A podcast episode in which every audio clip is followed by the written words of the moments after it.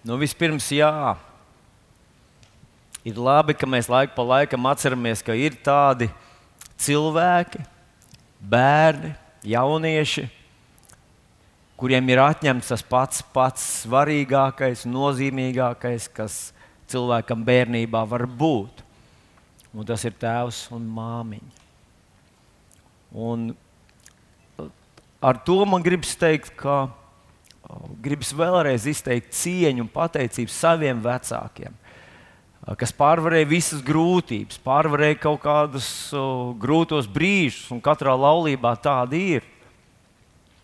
Un es tiešām, nu, pasaulē ir tāds teiciens, vai ir jēga dzīvot kopā bērna dēļ. Ziniet, ko ļoti liela jēga ir cīnīties par savu laulību. Arī bērnu dēļ. Nu, bērniem tas nozīmē ļoti, ļoti daudz. Un, ja tev uzaudzināja tikai māmiņa vai tikai tētis,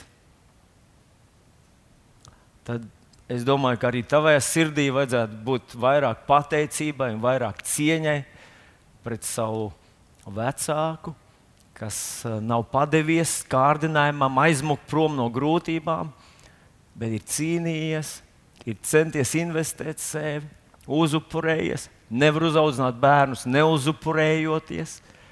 Ļoti daudz jāuzupurējas, lai uzaudzinātu bērnus. Un, ja tavu sirdi Dievs uzrunā, ka tu vari palīdzēt kādam jaunam puisim vai meitenei, Tev nav jākļūst par vergu. Tas nenozīmē, ka kāds atņems tev tavu dzīvi un tavas izvēles brīvības. Bet tu vari paspērt kādu soli un uzzināt, ko tu vari palīdzēt, kā tu vari palīdzēt kādam citam, arī um, sajust blakus rūpes un kādu mīlošu sirdi. Uh, manuprāt, uh, mēs visi bijām bāriņi, tas, ko Bībele mums saka. Uh, Un Jēzus vārdi uzrakstīti Mateja evanģēlijā 18. nodaļā, 3. pantā, kur viņš saka, ja jūs neatgriežaties un netopat kā bērni, tad jūs nenāksiet debesu valstībā. Un kādreiz mums var rasties sajūta, nu redzi, mēs esam izauguši par pieaugušajiem, un tagad mums jāatgriežas un jātop kā bērniem. Bet tas nav tas, ko Jēzus tur saka. Viņš saka tieši pretēji, jo viņš saka, ka kopš jūs esat aizgājuši no Dieva, jūs esat kā bāriņš šajā pasaulē. Un kad jūs atgriežaties pie Dieva, kad mēs atgriežamies pie Dieva, mēs atgriežamies ģimenē, mēs atgriežamies pie Tēva. Un nevienmēr mums uzreiz pielec, ko tas nozīmē. Nevienmēr mēs uzreiz saprotam, cik dramatiska pārmaiņa tā ir.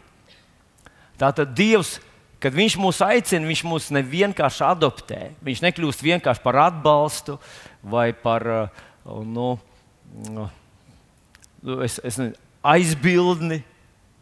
Viņš mūs dzemdina.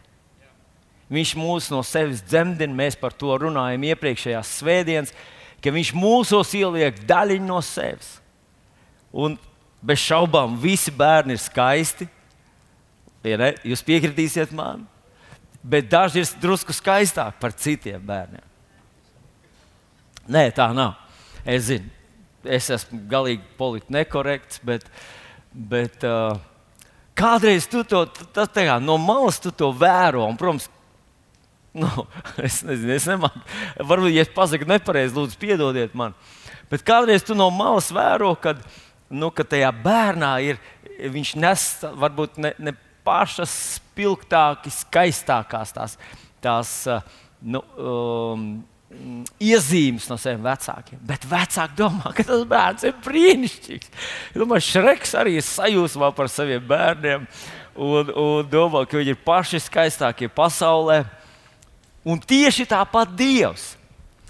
Varbūt tu sevi vēro, un tu saki, es neesmu tāds kā Juris, Jānis vai, vai Anna. Bet Dievs domā, ka tu esi brīnišķīgs. Dievs domā, ka tu esi vienkārši fantastisks, jo tu esi viņa miesa un asins. Un šodien, šajā svētdienā, faktiski mums ir viena raksturvieta, pie kuras mēs pakavēsimies šodien. Es ļoti gribētu, ļoti vēlētos, ka tu nu, mēģinātu izsekot man līdzi. Es zinu, ka dažreiz tas ir izaicinājums izsekot līdzi mācītājiem. Ja cilvēks man godīgi pasakā, tu kā tur uzkāp, tā man sākās cīņa. Ar ko tad man jācīnās ar miegu? Un es nezinu, ko, kā lai es tev palīdzu. Uh, man ienāca prātā, varbūt kaut kur uztaisīt tādu stāvu uh, nu, vietas, uh, kur var nostāties tie, kas, uh, nu, kas cīnās. Jā, cī, visu dievkalpojumu es cīnos. Uh, nu, Mēģini uzvarēt šajā cīņā un palikt ar mani līdz galam. Es tiešām ticu, ka Svētais Gars uzrunās šorīt un vēlas uzrunāt tevi, jo viņš uzrunāja arī mani ar šo pašu vietu. Tātad raksturvietiņa uh, ir uh, Romiešu vēstulīte 8. nodaļa. Tūlīt mēs tur nonāksim. Es vienkārši izlasīju tādu sarunu, ko viens vīrs uh, rakstīja, ka viņš jau uh, runājis ar savu jaunāko brāli. Nu, tas bija labi laika atpakaļ. Bet viņš redzēja, ka jaunākais brālis atrod kādu kapeciņu, un tad viņš kaut kur tur to ieslēp dziļi, kaut kur noliek kādā īpašā kastītē. Viņš jautāja savam jaunākam brālim, mm, ko tu krāji kaut kam? Un jaunais brālis saka, jā, skrāju jaunam telefonam. un, un um, vecākais saka, bet es krāju nebaltai dienai. Uz ko jaunākais brālis atbild, priekš kam tev tā vajadzīga? Nu, ir kaut kas bērnos tāds, ka viņi tā nu, pavisam savādāk uh, uh, vēro to pasauli. Un ir lietas, ko viņi nekad nedarītu, kuras mēs ar tevi domājam, ka tās ir gudras lietas. Nu, tā tad Romiešu vēstulīte 8. nodaļa mēs lasām 15. pantu. Romiešiem 8,15. Jo jūs nesat saņēmuši verdzības garu, lai atkal kristu bailēs bet jūs esat saņēmuši Dieva bērnības garu, kas mums liek saukt abā - tēvs vai tēti. No. Tas tā kā familiārāk, tuvāk, emocionālāk, mīļāk, tēti. Bet gribu pievērst jūsu uzmanību, ka mēs nevienkārši esam dabūjuši Dieva bērnības garu, bet tur ir kaut kas vairāk pateikts. Tur ir teikts, ka Viņš jūs tā kā liek Viņš jūs mudina, viņš jūs ved uz to, lai jūs nodibinātu šīs tuvās attiecības ar savu tēti. Jūs esat bērni. Jūs esat bērni. Mīļais draugs, es pavisam droši gribu teikt, ka tu pieņem jēzu par savu kungu. Sākumā tu jūties varbūt nu, drusku nērti no dieva kaut ko prasīt, vai ne? Un ir kaut kas, ko Dievs grib mūsos izmainīt, un tas ir kaut kas dziļāk nekā vienkārši izmainīt vārdus, kurus mēs lietojam. Un tā vietā, ja agrāk es teicu, Dievs, tagad es saku, Tēvs. Ir kaut kam jāmainās dziļāk. Un tas ir tas, ko šajā vietiņā uh, Dievvvārds mums māca. Apsolus Pāvils mums māca. Nu, tā tad mēs neesam dabūjuši verdzības garu, bet Dieva bērnības garu. Un tas Dieva bērnības gars mūs cenšas ievest tajās attiecībās, lai tur augoties uz Dievu, justos kā bērns, patiešām kā bērns. Nu, uh, vajadzētu kaut kā prasīt kaut kādu piemēru, vai ne? Kaut kādu piemēru par to, nu, kā bērns jūtas. Nu, pieņemsim, uh, ka tu stāvi kafejnīcā rindā, nogājis pēc dievkalpojuma, nogājis lejā kafejnīciņā, un tu gribi vai nu kādu būciņu apēst, kādu veselīgu būciņu, kas vairo muskuļus, vai ne? Vai tu gribi kaut ko tādu, vienkārši kafiju iedzert vai apēst, un tu stāvi, stāvi, stāvi, un tu tuvojās tava rinda, un pēkšņi tu opā! Telefons ir, bet maka nav. Nu, tagad jau gan varot ar telefonu samaksāt, bet nu, pieņemsim, ka arī telefona tev nav. Un nu, tu gribi apēst to, bet tev nav iespējas nopirkt.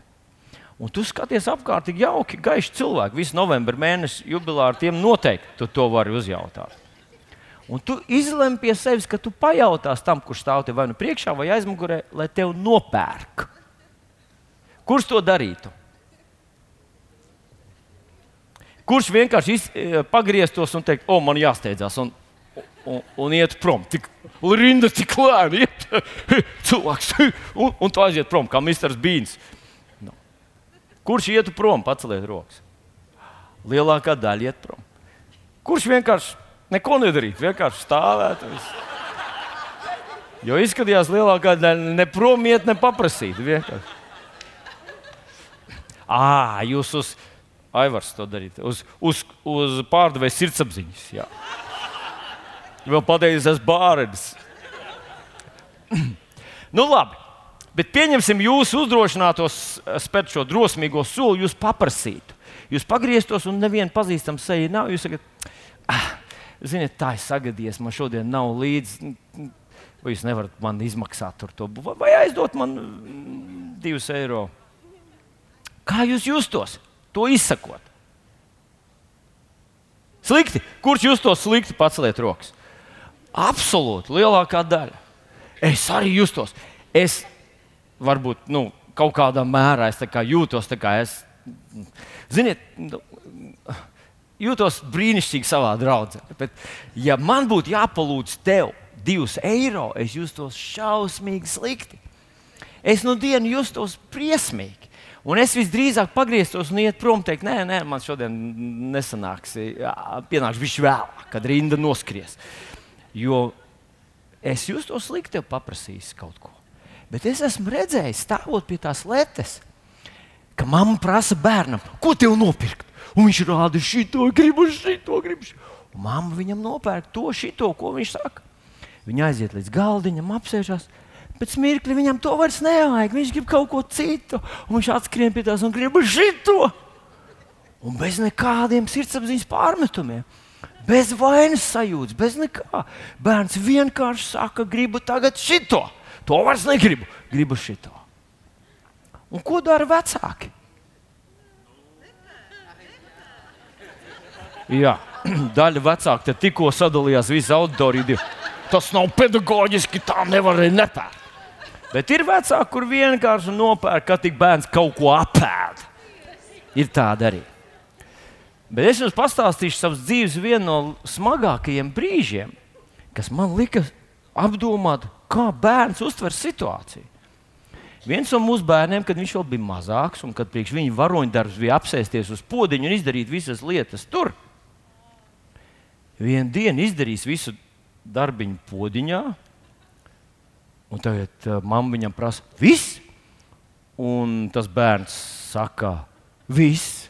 Un mamma dodas pie viņa, lai nu, to no fināla to uh, kustību izdarītu. Un viņš saka, nē, tu nē. Kā nē? Lai teicis nāk. Un es tam mirklī teicu, par ko es, ko es esmu nodarījis. Nu,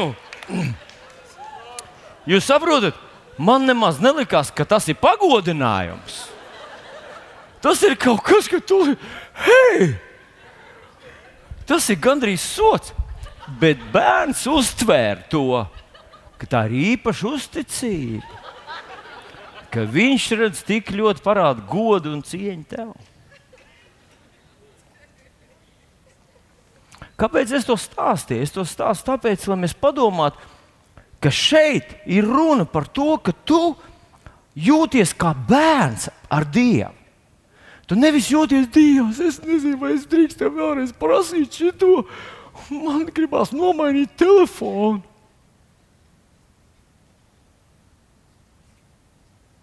Vai dieniņ, ko es izdarīju nu pat? Tā nedrīkst mācīt.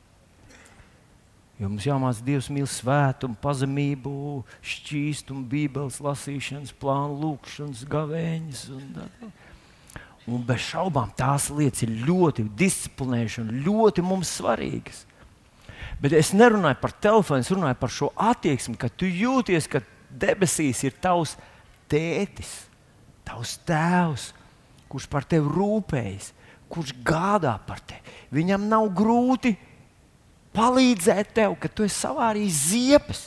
Dievam nav grūti eh, piedot tev tavus grēkus. Tev nav jājūtās atkal vainīgam. Ak, Dievs, es taču teicu pēdējo reizi piedot. Ko nu? Viņš zināja tevi no paša sākuma, pirms tu piedzimi. Viņš zināja visu tavu dzīves ceļu līdz galam. Viņš zināja visas tavas rakstura īpatnības, visas gļēvums, visas vājās vietas. Viņš tevi pazina perfekti. Un tas ir tas, ko Jēzus cenšas tev pateikt. Hei, pārstāj būt bērns, nāc mājās, tu esi dēls, tu esi te, tev ir tētis, un viņš par tevi rūpējas.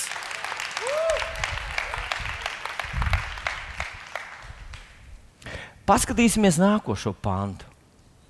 Šis pats gars, tātad Dieva bērnības gars, apliecina mūsu garam, ka esam Dieva bērni.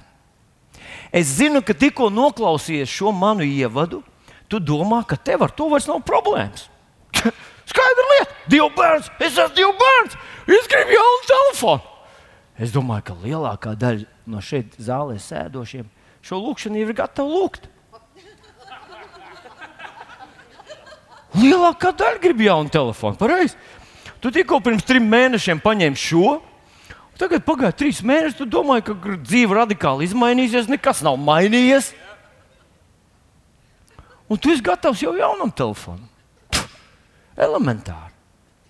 Bet es redzot, cik ļoti tas tiek akcentēts. Un viņš te saka, šis pats gars ierunā tavā dziļākajā būtībā, runā uz tevi, ka tu esi Dieva bērns.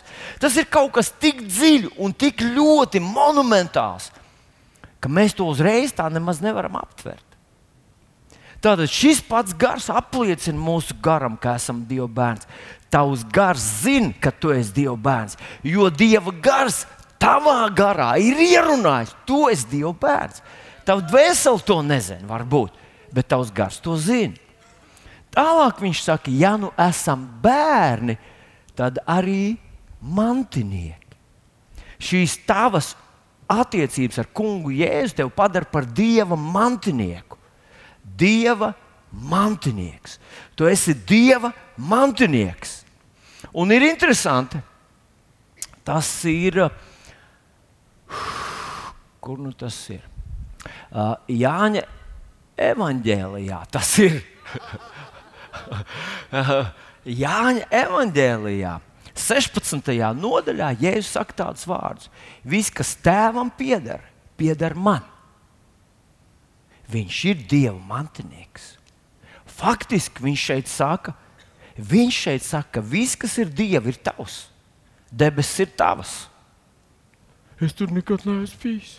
Nu, un tad tās ir tavas. Dieva draudzene ir Dieva draudzene. Bet, ja tu esi Dieva mantinieks, Dieva draudzene ir tava draudzene. Jā, bet es slikti jūtos, tik daudz cilvēku, es satraucos un kafejnīcās liels rindas. Bet, ja tu saproti, ka tā ir tava, tava ģimene, iedomājieties, ja tev būtu šitie visi apkārt, būtu tavi radi un tie ir tavi rādi. Jā, bet es tādu es jau, es esmu Latvijas. Es esmu, man patīk vienam pa mežu staigāt. Tev patīk vienam pa mežu staigāt, līdz tu ieraugi lāci. Pareizi.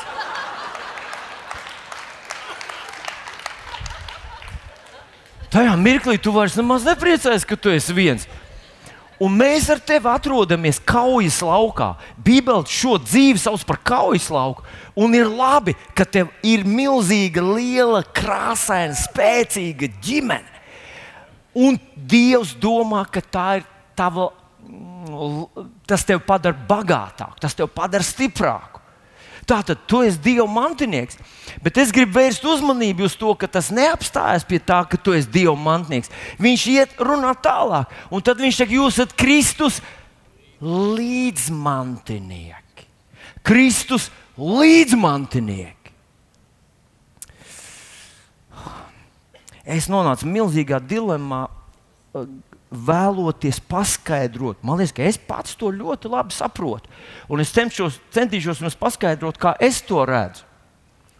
Un es ceru, ka varbūt ka tev ir kāds labāks piemērs, tu vari man palīdzēt citai reizei.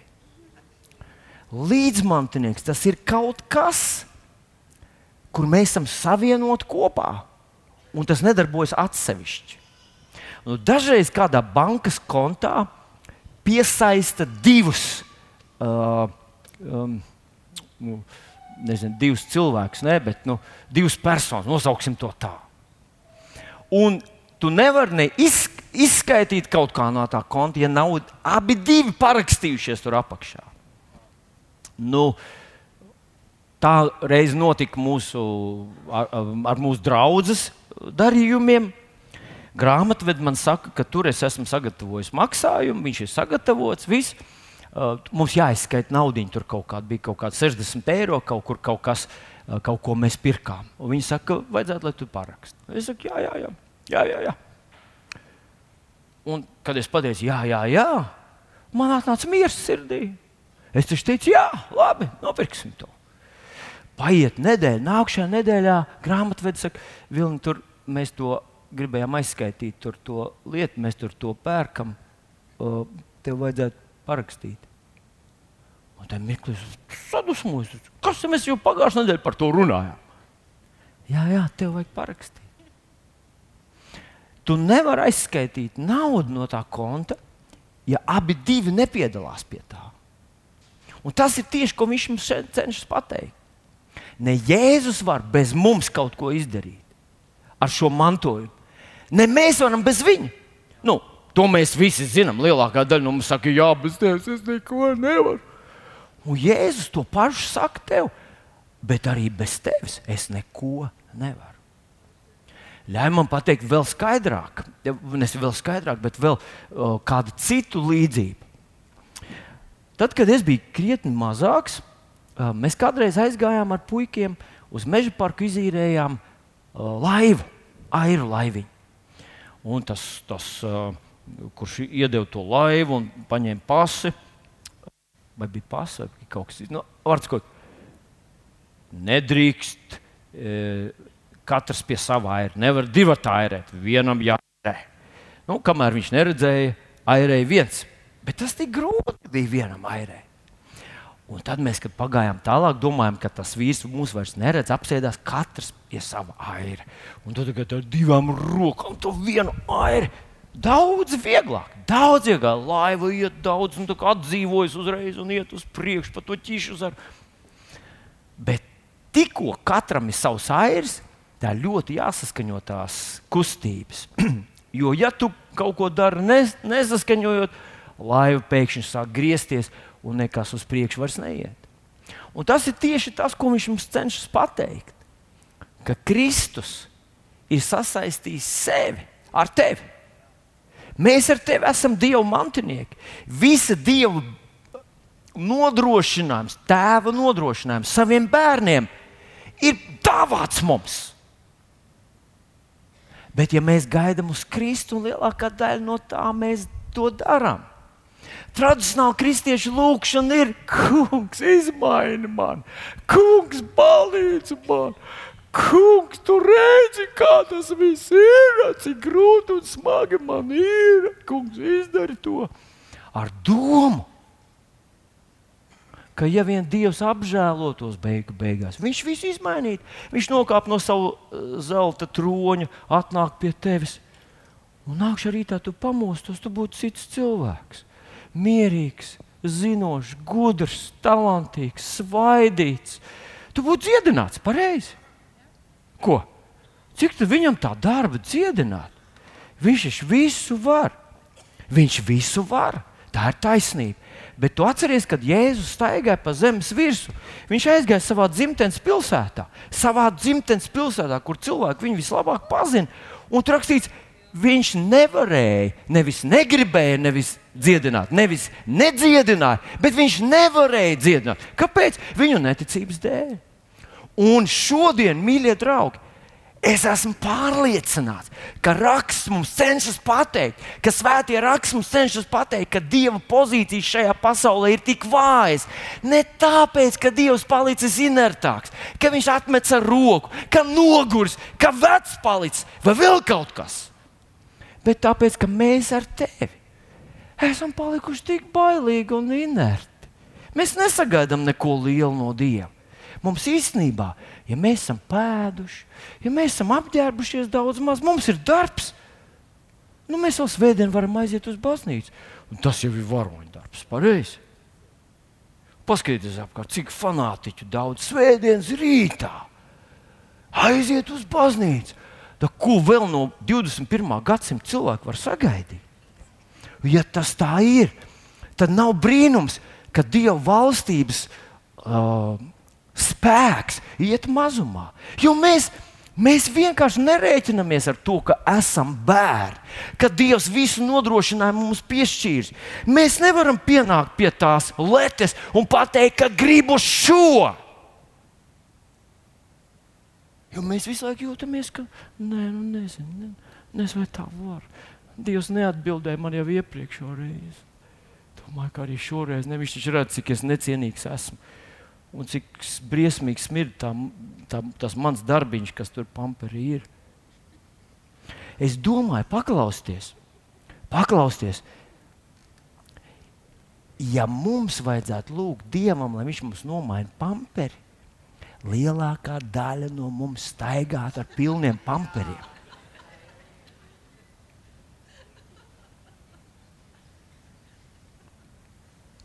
Mēs vienkārši uzskatītu, ka tas ir nu, tādu apkaunojumu, pazemojumu dievam uzlikt, ka tas, tas ir zem. Nu, man personīgi esmu dzirdējis ar cilvēkiem, kas nonāk tādā grūtā vietā, slimnīcā, ka viņi paši nevar par sevi parūpēties. Tā ir šausmīgi grūta vieta. Un tad, kad kādam citam jānāk tevi apmazgāt, sakārtot un savākt pēc tevis, tas ir iekšā, tu simts reizes mirsti pirms tu pasauc kādu, lai tev atnāk palīdzīgā. Bet bērnam, kā mēs jau dzirdējām, ar to nav problēma. Un kamēr mums ir, kamēr mēs jūtamies vainīgi, necienīgi, grēcīgi, kamēr mēs jūtamies, ka Dievam ar mums jau ir apnicis nodarboties, ka ne, neprasa neko, neuzgrūst, ne, ne, nebāzies viņam virsū. Jo, jo viņam arī kaut kur viņa pacietība ir mērs. Mēs neesam vēl apjautuši, ka esam bērni. Un esam viņa mantinieki un Kristus līdz mantinieki. Kristus līdz mantinieki. Man šķiet, ka ir tāda ilustrācija, kas perfekti apraksta to, kā tas darbojas kristiešu dzīvē. Un tas ir ritenis tandēms. Kāds esat redzējuši, ka divi cilvēki brauc uz riteņa? Nu tad lūk, Jēzus ir tas, kurš sēž aizmugurē. Mēs esam tie, kur rokās ir stūra. Un ja mēs nestūrējam, ritenis nekur nebrauc un uz kuriem mēs parasti stūrējam, pelēcīgs, kaut kas maziņš, kaut kas šauriņš. Jūs atceraties, kad mums bija ārā tur trīs stāvu māja. Kurš atcerās, vēl mums bija trīs stāvu māja? Mēs bijām viņā no ārpuses, bijām izremontējuši, viņa bija skaista, mēs fotografējām, un, un kad mēs viņu nojaucām, Olīte, šīs cienīgā dāma, paņēma vienu tādu, tādu uh, mazu ba, uh, lauvas tādu galvu no tā. Viņas, tas būs atmiņai.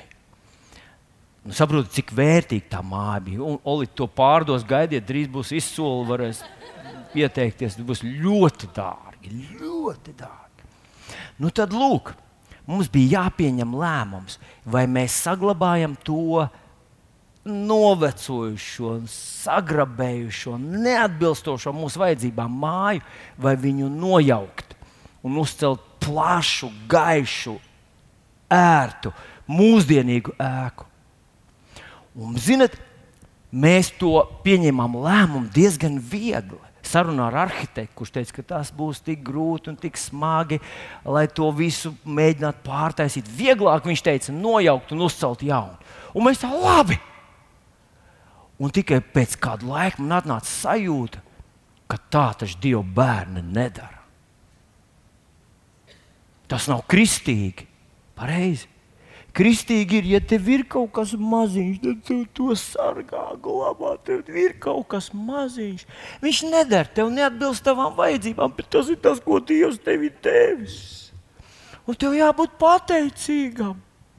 Mums ir tik maz māja, mēs nevaram tur iet, nevaram apkurināt viņai. Tur tik daudz sūpojas grīdas, skaņa izolācija ir šausmīga. Bet tas ir tas, ko Dievs mums ir devis.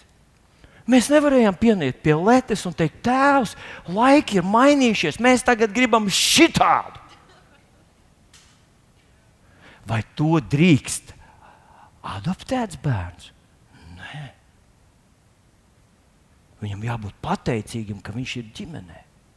Bet, ja tu esi dzimis ģimenē, ja tas ir tavs tēvs, tev nav kompleksu pienākt pie tās lietas un teikt, es paņēmu to, bet tas ir riebīgs, gribu šito.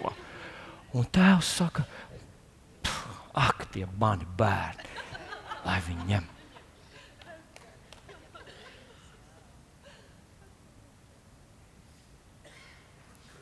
Mīļais, mans brāl un māsa. Šodien es gribu teikt, ka Dievs tavā dzīvē būtu pagodinājies daudz vairāk. Daudz vairāk. Jēzus tavā dzīvē būtu pagodinājis daudz vairāk. Viņam būtu daudz vairāk slavas, daudz vairāk godības, daudz vairāk cilvēku vērot tevi un teikt, nē, kaut kas tur ir ar to cilvēku. Ja tu sēdot tajā tandēm ritenī priekšā, ja tu stūrētu uz to, kas pieder bērnam, Dieva radītāja, pasaules radītāja, bērnam un par cik mūsos ir vēl tik daudz no tāda uh, bāreņa domāšanas. Mēs ļoti piesardzīgi ceram uz jaunām lietām. Nu, paskatīsimies vēl, kā šis raksts turpinās. Paskatieties tālāk. Tātad mēs esam līdzmantinieki, un bez mums nekas nenotiek. Bet re, Turpinās tā pati doma, turpat romiešiem 8, 17. pāns. Jo tiešām, ja līdz ar viņu ciešam, mēs līdz ar viņu tiksim arī apskaidroti. Jo tiešām tātad šis pats gars apliecina mūsu garam, ka esam Dieva bērni. Ja nu esam bērni, tad arī mantinieki, Dieva mantinieki un Kristus Jēzus līdzmantinieki. Jo tiešām ja līdz ar viņu ciešam, mēs līdz ar viņu tiksim arī apskaidroti. Es pavisam vienkārši, bez gariem ievadījumiem un skaidrojumiem pateikšu, ka tās ciešanas nav domātas slimības. Nav domāts nabadzība. Jo viss, ko Jēzus darīja, viņš pats neslimoja vispirms, un viņš dziedināja visus, kas viņa ceļā trāpījās slimi. Viņš palīdzēja katram. Viņš izsalkušos paēdināja, viņš slimos dziedināja, vēlnu apspiestos, viņš atbrīvoja, viņš atnāca izrādīt vēlnu darbus, tas ir tas, ko viņš darīja trīs ar pus savas kalpošanas laiku. Viņš sludināja, atgriežoties un atgriezties atpakaļ ģimenē, esat atkal bērni, sajūtaties kā dieva bērni, un viņš dziedināja visas slimības. Tās ciešanas visdrīzāk ir taisnā ciešanas vai ciešanas, kuras tu uzņemies Dieva darbā. Kuras tu uzņemies, kad tu sāc uzticēties viņa apsolījumiem. Cilvēki tev vairs nesapratīs, kad tu sāc teikt, ka rakstos tā ir teikts, un es tam ticu. Tas mūsu senais teiciens, Dievs tā teica, es tam ticu, un tas atrisina visu. Tas ir ielikts šeit, šajā te, ja, līdz ar viņu ciešanu. Un bez šaubām kāds teiks, ka te iet runa par to, ka ja mēs zemes dzīves laikā nu, paliksim ar Kristu, paliksim viņam uzticīgi, tad pēcgalā mēs atspīdēsim līdz ar viņu. Un jā, visdrīzāk, ka pilnā jaudā vai pilnā atklāsmē, tas tiešām iet runa par to dienu, kad Kristus parādīsies un mēs visi spīdēsim tāpat kā Viņš, jo arī mēs esam Dieva bērni. Bet es gribu apgalvot, mīļie draugi, ka šeit iet runa arī par tavu šās laika zemes dzīvi. Ja tu līdz ar viņu cieti, tas ir, tu pieņem viņa vārdu, tu pieņem viņa apsolījumu savai dzīvei, un tu sāc uztvert to kā pamatu, pamat, mm, pareizo informāciju. Ja viņš teica, Jēzus brūcēs, tu esi dziedināts, un tu paņem šo, šo viņa apgalvojumu, šo viņa darbu, un tu paņem to kā patiesību. Un tu sāc ar to staigāt. Kādu brīdi tev ir jācīnās pašam sevi, kādu brīdi varbūt tev būs jācīnās arī ar apkārtējo viedokli. Ziniet, es to sajūtu, kad laiciņā atpakaļ es vienu no mūsu draugu brāļiem satiku, un es zinu, viņš, viņam bija kaut kāda cīņa. Un es ar viņu aprunājos mazliet, un viņš man saka, tā, zini ko, es esmu dziedināts, es esmu to satvērs, ja es brūcēs, man tas ir dots. Es klausījos uz viņu, un no vienas puses man vajadzētu teikt, Amen, brāl. Jo es par sevi saku to pašu. Es par sevi saku to pašu. Jēzus brūcēs. Es esmu dziedināts. Manī mājo tas pats gars, kas Jēzus uzmodināja no miroņa. Viņš arī manas mirstīgās miesas dara dzīves.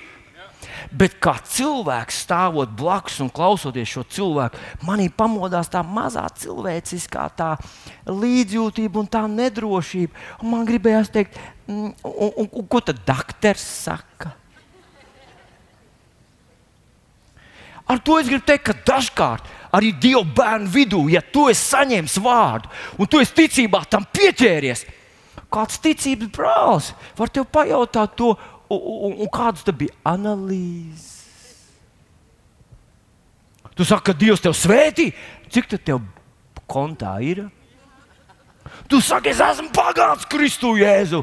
Nu, vai, vai tad tu jau samaksāji komunālos šomēnes? Un tu domā, hei, tev taču vajadzēja man atbalstīt. Un vajadzēja. Ar to es gribu teikt, ka ja tu tiešām uzticēsies viņa vārdiem, tas nebūs viegli.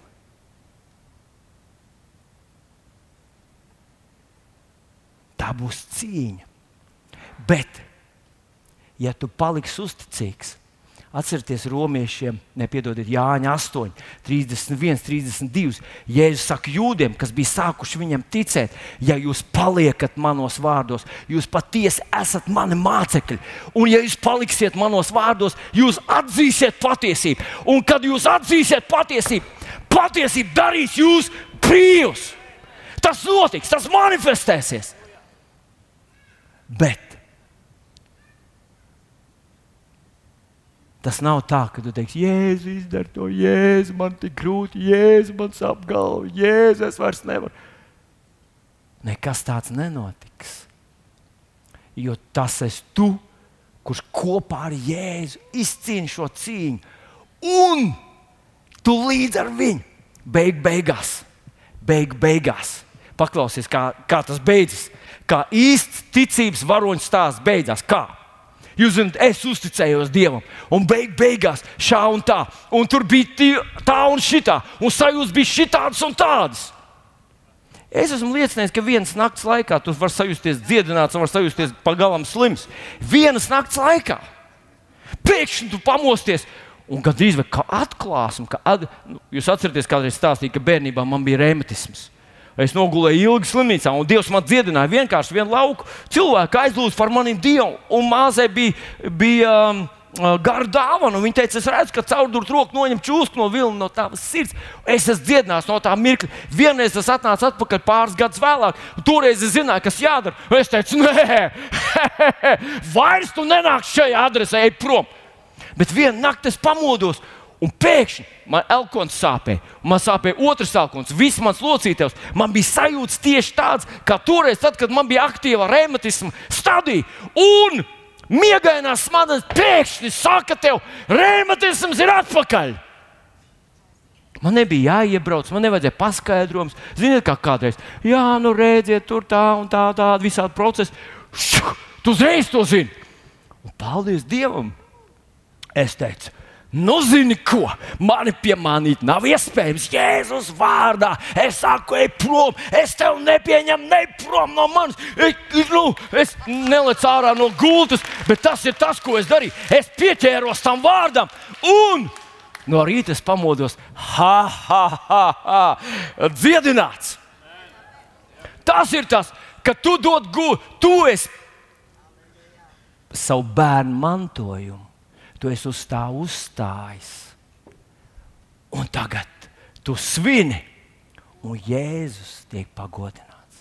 Tu svini, un viņš tiek pagodināts. Halleluja! Es tikai gribu nobeigt ar, ar vienu rakstvietiņu, kur man nav uz, uz uh, vienkārši no atmiņas gribu. Man tiešām liekas, ka Svētais Gars grib, lai es viņu atgādinu. Un tā ir Jāņa Evanģelīja 14. nodaļa, 12. pāns, kur Jēzus saka tādus vārdus. Paklausiet, Jāņa 14, 12. Patiesi es jums saku, kas man tic, tas arī tos darbus darīs. Un vēl lielāks par tiem darīs, jo es noemu pie tēva. Patiesi es jums saku, kas man ticas, arī tos darbus darīs, kurus esmu darījis, un vēl lielāks darīs, jo es noemu pie tēva. Bet viņš ar to nebeidz. Viņš vēl runā tālāk. Un visu, ko jūs lūgsiet, es eh, citēju mūsu revidēto tekstu, un visu, ko jūs lūgsiet manā vārdā, to es darīšu, lai tēvs tiktu pagodināts dēlā. Un viņš vēlreiz saka, visu, ko jūs lūgsiet manā vārdā, to es darīšu. Manuprāt, manuprāt, viņš runā par šo bērnu statusu, dēla statusu. Un esmu lasījis valodniekus, kas saka, ka šī vietā īsnībā varētu lietot vārdiņu visu, ko jūs pieprasāt manā vārdā. Un tur nav runa par to, ka mums jālūdz, tur ir runa par to, ka Jēzus nopelns garantē mums šīs lietas. Viņš faktiski saka, tas, ko tu kā dēls, tas, ko tu pieprasi, tas, ko tu Paliec tajā, apzinoties, ka tu esi gribēts bērns, ka tev pieder svētība, ka Dievs Tēvs gādā par tevi kā par savu bērnu. Tad viņš teica, jūs ļauni būdami, protat saviem bērniem nopirkt vēl vienu maizīti, un protat viņiem noslaucīt dibeni. Jūs protat par viņiem parūpēties. Jūs ļauni un nabagi būdami, salīdzinot ar Dievu, rūpēties par saviem bērniem. Un tad jūs gribat teikt, ka Dievam vienalga, kā jūs dzīvojat. Un tas nav iespējams. Tā visa problēma ir tāda, ka mēs neusticamies ka Dievam tik ļoti rūpam mēs ar visām savām sāpēm, visām savām vajadzībām, visiem saviem gļēvumiem un tā tālāk. Ka mums jānopelna tas Dieva bērna status, tāds īpašs labvēlības status. Mums vēl jāsaņemās, vēl jāpieliekas, vēl jāiztur, vēl jāiet uz baznīcu, vēl jādzied tās dziesmas, lai beidzot viņš mūs iemīlētu. Un tās ir pilnīgas muļķības.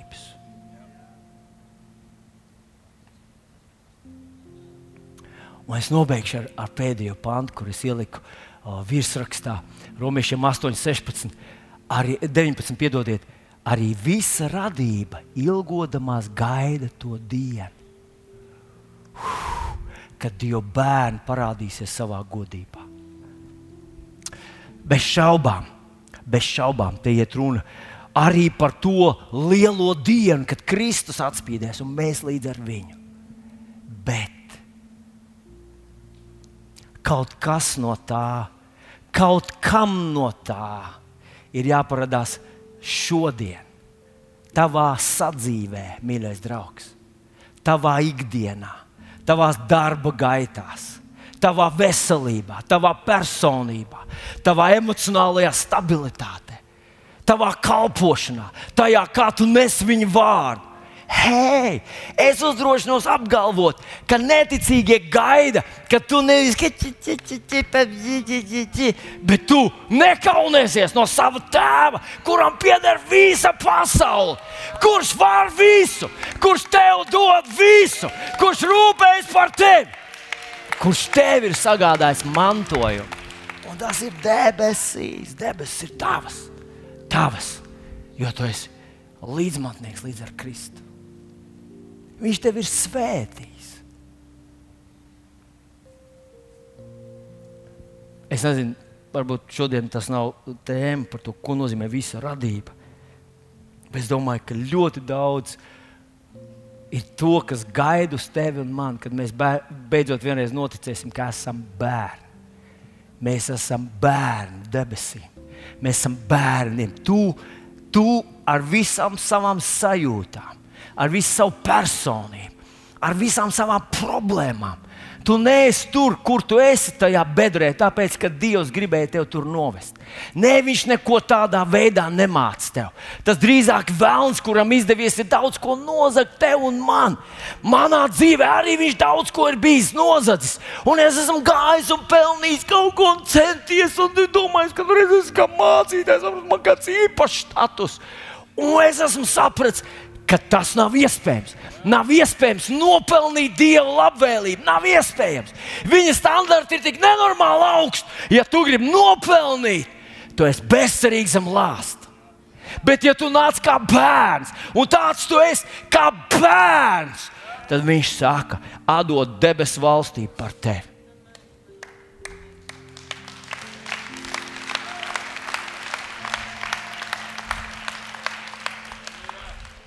Pasakiet, es esmu bērns. Halleluja! Paklausieties, mīļie draugi! Šodien mums ir vakarēdiena, svētdiena.